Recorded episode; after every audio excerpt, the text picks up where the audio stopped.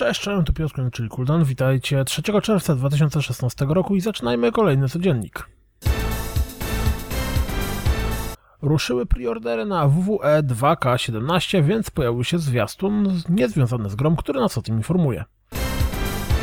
Rok 2016 na PC, PlayStation 4 i PlayStation Vita zmierza Cosmic Star Heroine, która wygląda jak gra ze SNESa. Cóż, może nadrobi historią, czy też gameplayem. Zresztą sami zobaczcie zwiastun i ocencie. Swoją drogą to tytuł ten pojawił się 1 października 2013 roku na Kickstarterze i zabrał 132 tysiące dolarów, czyli o 30 tysięcy więcej niż zakładano. Kick and Fenix pokazał w premierowym zwiastunie sporo fragmentów rozgrywki i wygląda na całkiem przyjemnego platformera. Gra jest dostępna na PlayStation 4, Xbox One i Wii U. Kolejny bohaterski zwiastun LEGO Star Wars The Force Awaken tym razem dotyczy BB-8.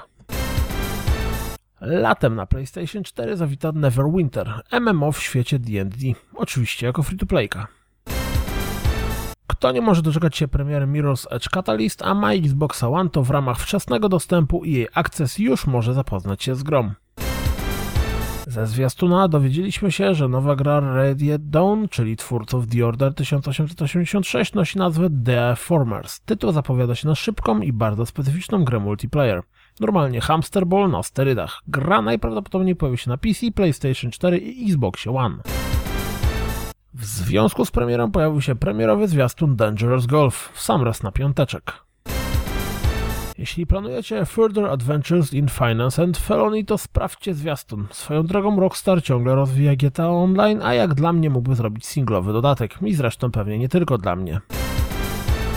Po tygodniowym opóźnieniu Steam World Heist zawita również na Steamie, PlayStation 4 i PlayStation Vita. Od pewnego czasu jest dostępny na 3DS, a jeszcze w tym roku pojawił się na Wii U i Xbox One. World of Tanks świętuje zbliżające się piłkarskie mistrzostwa wprowadzeniem do gry trybu czołgowej gry w piłkę, prawie jak Rocket League. Event rusza 10 czerwca. Ploteczki i niedomówienia wskazują na to, że na E3 będzie można zagrać w nowego Sirius Sama. Techland poinformował, że staje się wydawcą nie tylko na rynek polski, ale i na cały świat. Według Steamowych agent wynika, że prawie 40% użytkowników Steama przesiadło się już na Windows 10. Na drugim miejscu plasuje się Windows 7 z 32%, a na trzecim 8.1 z 11%. Wszyscy posiadacze Xbox One znajdujące się w programie Preview mogą szykować się do testowania nowej wersji programowania. Pamiętajcie, że przez weekend trwa otwarta beta Tomorrow Children. Dowiedzieliśmy się, że na konferencji Ubisoftu na E3 możemy spodziewać się Tom Clancy's Ghost Recon Wildlands, South Park The Fracture But Whole, Eagle Flight, Watch Dogs 2 i For Honor. I pewnie jakieś niespodzianki. Jeśli zastanawiacie się, jak będzie wyglądało wybudowanie cudów nowej cywilizacji, to po obejrzeniu filmiku już będziecie to wiedzieć. To wszystko na dziś, jak zawsze dziękuję za słuchanie, jak zawsze zapraszam na www.rozgrywkapodcast.pl. Jeśli doceniacie moją pracę, wesprzyjcie mnie na Patronite. Mam nadzieję, że widzimy się na Pixel Heaven i że usłyszymy się w poniedziałek. Trzymajcie się, cześć!